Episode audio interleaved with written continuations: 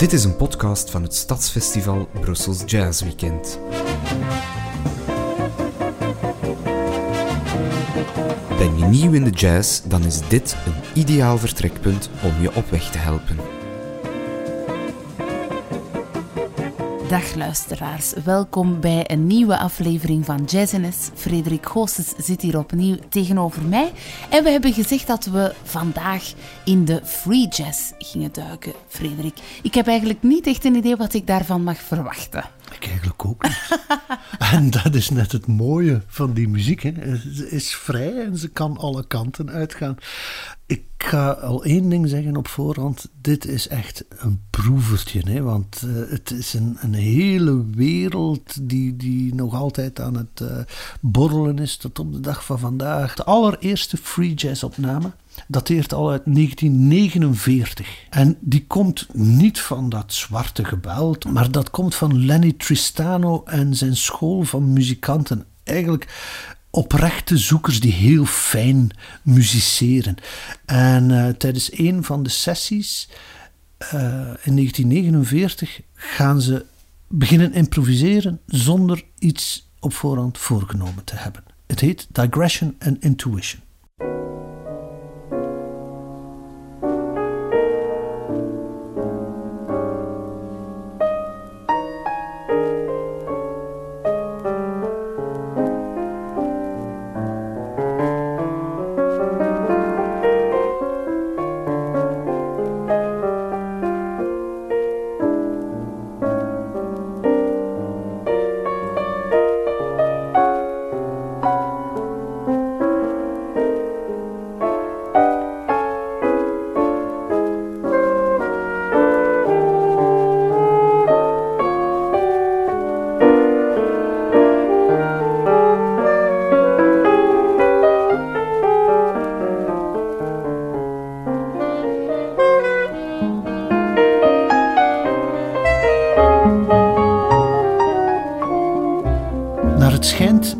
Tijdens die opnamesessie de technicus, terwijl de muzikanten zo begonnen spelen, de studio verlaten hebben. Zo, hier wil ik niks mee te maken hebben. Dit noem ik geen muziek meer. Daar hoef ik ook mijn uh, technische ervaring niet in te investeren. Trek uw plan. en ook het, het label, uh, het platenlabel, wou die muziek niet uitgeven. En er is een acetaatje van gemaakt, zo'n soort proefpersing van gemaakt. En die hebben de muzikanten aan een DJ bezorgd in New York. Die, heet, die heette Symphony Sid. En die, die had een heel populair nachtelijk programma op, op de radio daar. En die eindigde elk van zijn uitzendingen met dit. En natuurlijk begonnen mensen te bellen. Wat, welke muziek is dat? En kunnen we die kopen? En zo is de het platenlabel toch moeten plooien, hebben, hebben ze het uitgegeven. Hè? En is dit de eerste free jazz opname. Soms lijkt het wel alsof die free jazz, die vrije improvisatiemuziek, heel erg lijkt op moderne klassiek. Uh, je, je kan soms stukken van Stockhausen naast stukken van Ornette Coleman of John Coltrane leggen en het resultaat is zeer gelijkaardig. Uh, veel van die Amerikaanse free jazz ontstaat ook in New York, in de Lower East Side van Manhattan. En uh, het is ook daar in Manhattan dat je moderne klassieke componisten of, of, of denkers, of hoe moet ik het ook noemen, tegenkomt als John Cage. En die ken je waarschijnlijk wel, een conceptualist van, uh, van de muziek, die zo ver ging om te zeggen: ja, eigenlijk alles is muziek. Zet het raam open en laat de geluiden van de straat binnenkomen en presenteer dat als concert. Zijn beroemde 4 minuten 33. Je spreekt af, nu begin ik en over 4 minuten 33 seconden stop ik. En alles wat dan gebeurt, iemand die zijn neus snuit, een, een, een auto die voorbij rijdt, is muziek. Uh, dat is dus, redelijk extreem. Ja, verder kan je eigenlijk, eigenlijk niet gaan. Hè. Heel leuk ook, hè. grappig op een manier uh, allemaal. Uh, maar die moderne klassiek wordt dan op een piedestal uh, gezet. Terwijl veel free jazz, wat met de neus bekeken wordt hè, als, als een experiment van charlatans en, en een piepknormuziek, zoals Nederlanders dat zo mooi zeggen. We zullen eens luisteren naar uh, het album dat de hele beweging wat zijn naam gegeven heeft. Want in eerste instantie, mensen wisten niet goed hoe je dit soort jazz moest noemen. Er werd gesproken van the new thing, het nieuwe ding. Maar in 1960 maakt uh, Ornette Coleman een album dat heet Free Jazz. Trouwens, de hoes is met een, een drip painting van Jackson Pollock. En, en die idee van drip painting, action painting, gewoon in, in het doen, uh, zit eigenlijk de, de, het resultaat al vervat. Hè? Dat hoor je ook in deze muziek. Free jazz.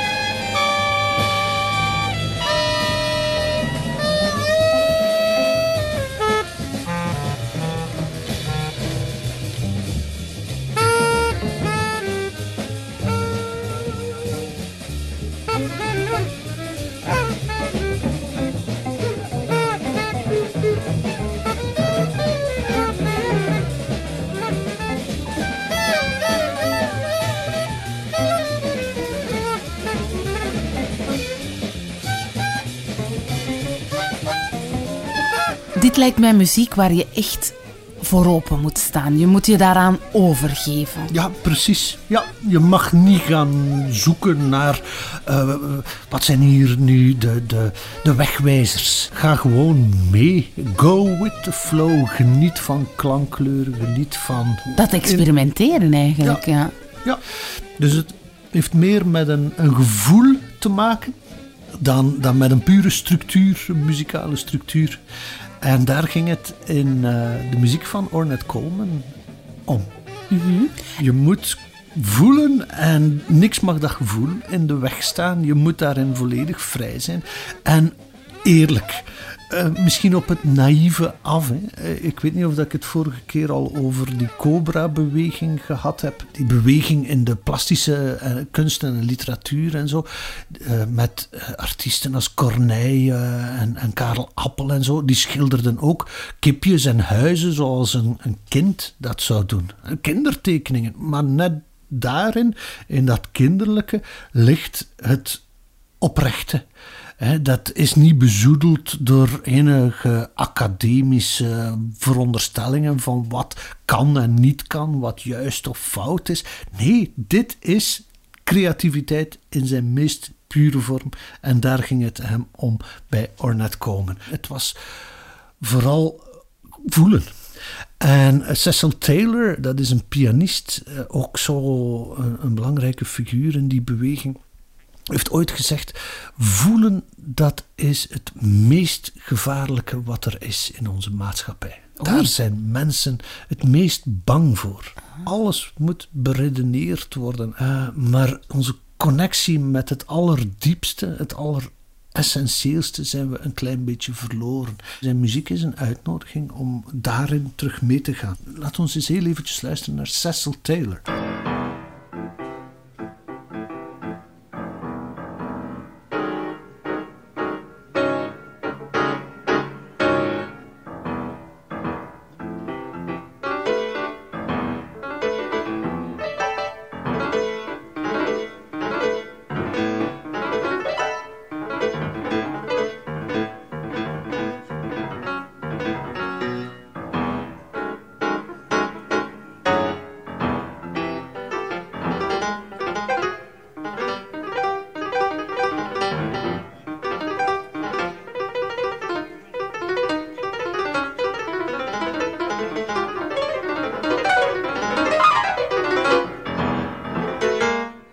Dat experimenteren kan ook heel eh, aparte vormen aannemen. Luister eens bijvoorbeeld naar hier Albert Ayler, een tenorsaxofonist die in 1964 een plaat maakt. Die heet Spiritual Unity.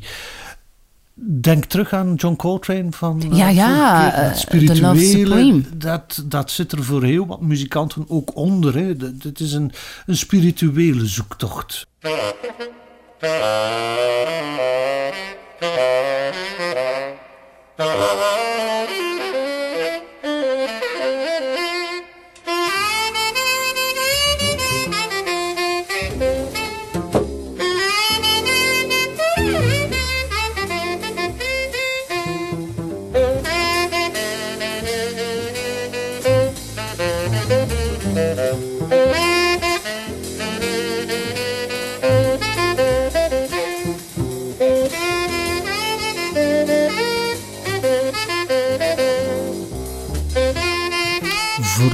Weinig aan de hand. Het heeft wat van een calypso, maar hier...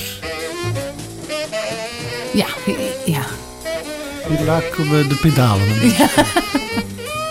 ja, dat is lopen op drijfzand. Je moet een beetje springen om uh, ja. rechtop te blijven. Ja.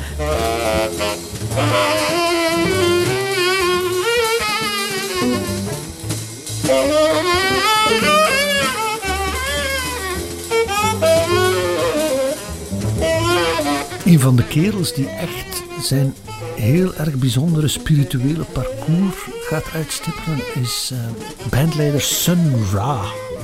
De naam alleen al. Klinkt een beetje als een secteleider.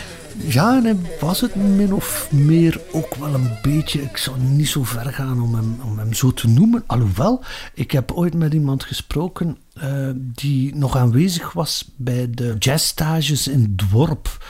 Uh, daar hadden ze Sun Ra en his Orchestra.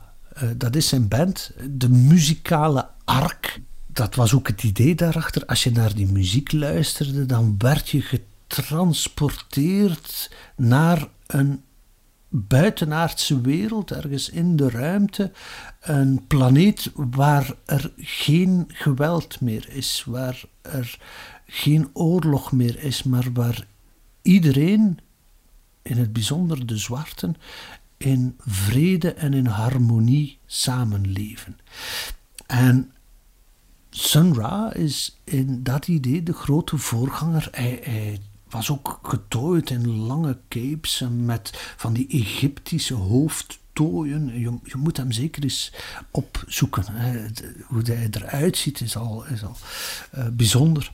En terug te komen op dat dorpverhaal. Naar het schijnt uh, moest iedereen die toen daar de stage uh, deed, de jazzstage, moest hij elke ochtend op audiëntie bij Sun Ra, die dan op een verhoogje zat, op een soort troon, en iedereen moest een eerbetoon komen geven aan Sun Ra. En dan werd er muziek gemaakt. Uh, het is ook muziek die enerzijds geworteld is in de traditie van jazz. Je hoort daar echo's van, van Fletcher Henderson en Duke Ellington in. Het is niet allemaal zomaar spelen, maar anderzijds is het met de neus in de wind en, en met de blik naar de toekomst gericht. Zullen we eens luisteren? Dit is Dancing in the Sun van zijn klassieke album uit 1965, The Heliocentric Worlds of Sun Ra.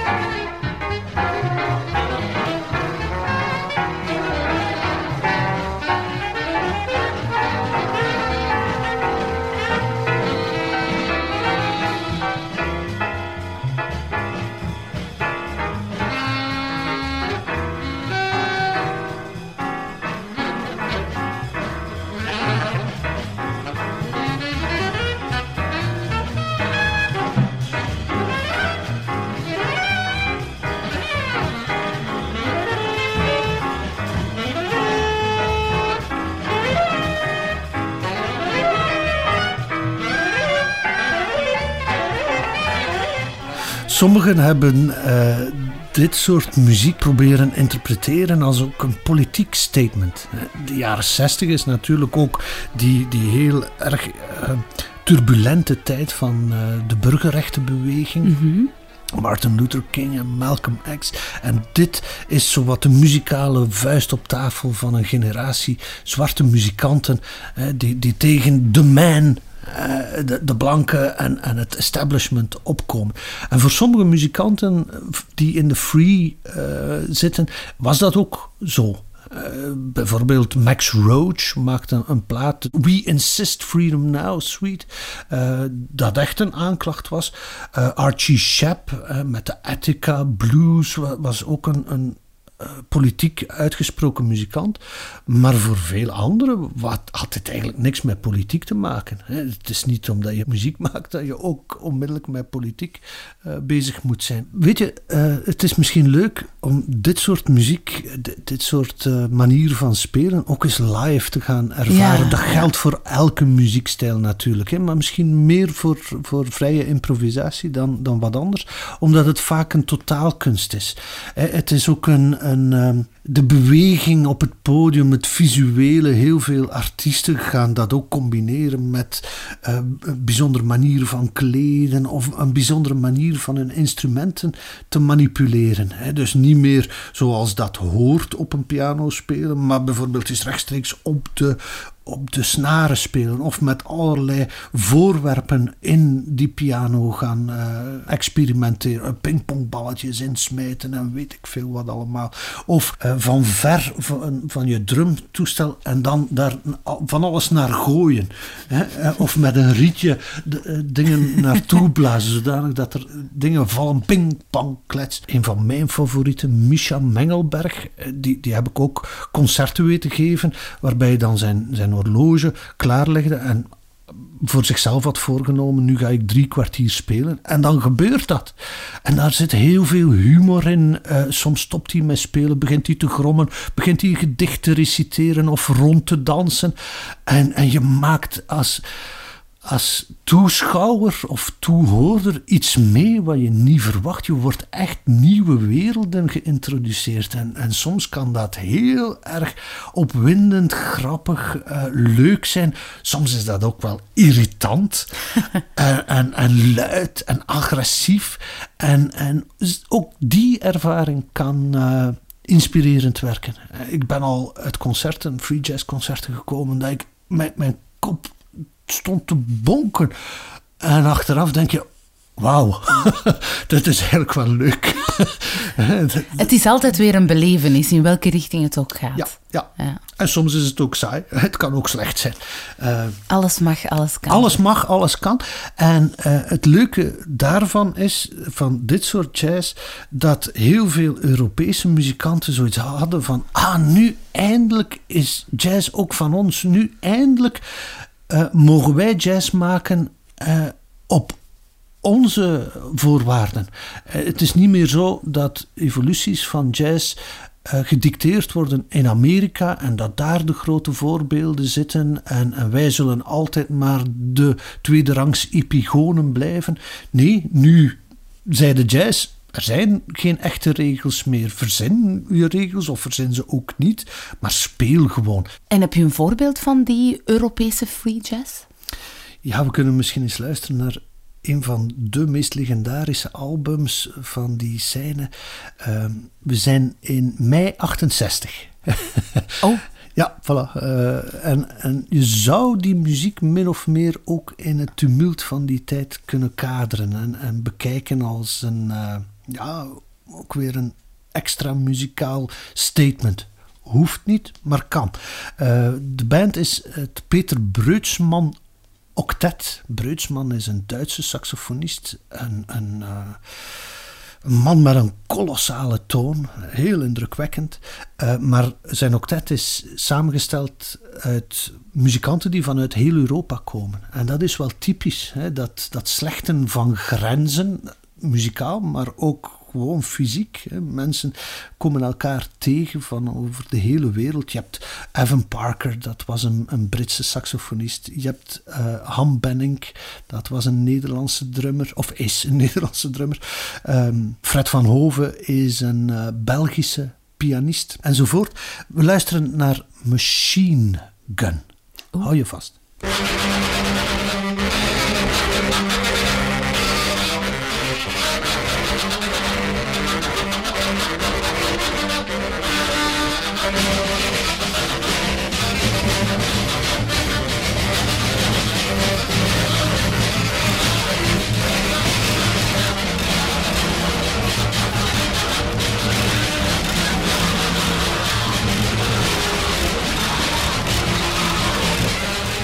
Dat is voor een niche-publiek, denk ik. Ja, ja, uh, ja ik geef toe, uh, de, dit soort concerten worden ook niet zo heel erg druk uh, bijgewoond. Maar de mensen die, die daar echt voor gaan zijn heel erg overtuigd. Het grappige is van dat machine gun dat we nu horen, dat, dat bijna een explosie van, van uh, lawaai. lawaai of muziek is.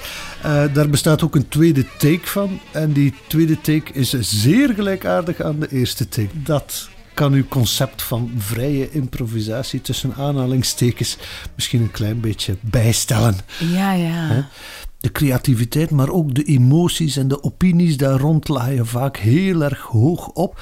En ook onder jazzmuzikanten is die kritiek heel erg groot.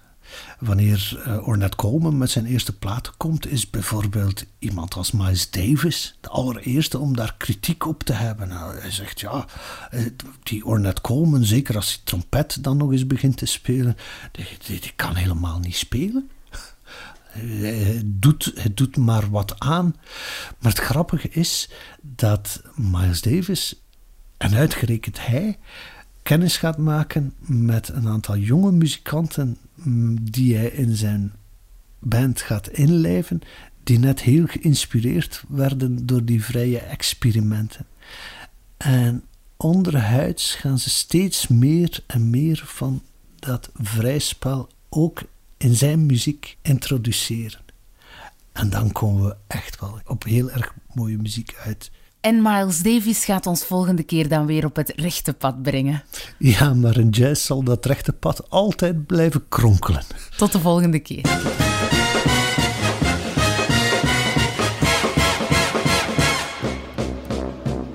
Bedankt Ellen Leemans en Frederik Goossens. Jazziness wordt gemaakt door het gratis stadsfestival Brussels Jazz Weekend. De volgende editie vindt plaats op 29, 30 en 31 mei 2020. Meer info over het festival vind je op brusselsjazzweekend.be. Abonneer je op de podcast om op de hoogte te worden gehouden wanneer nieuwe afleveringen verschijnen. Vind je dit een leuke podcast? Geef ons dan een goede review. Zo worden we ook makkelijk gevonden door nieuwe luisteraars.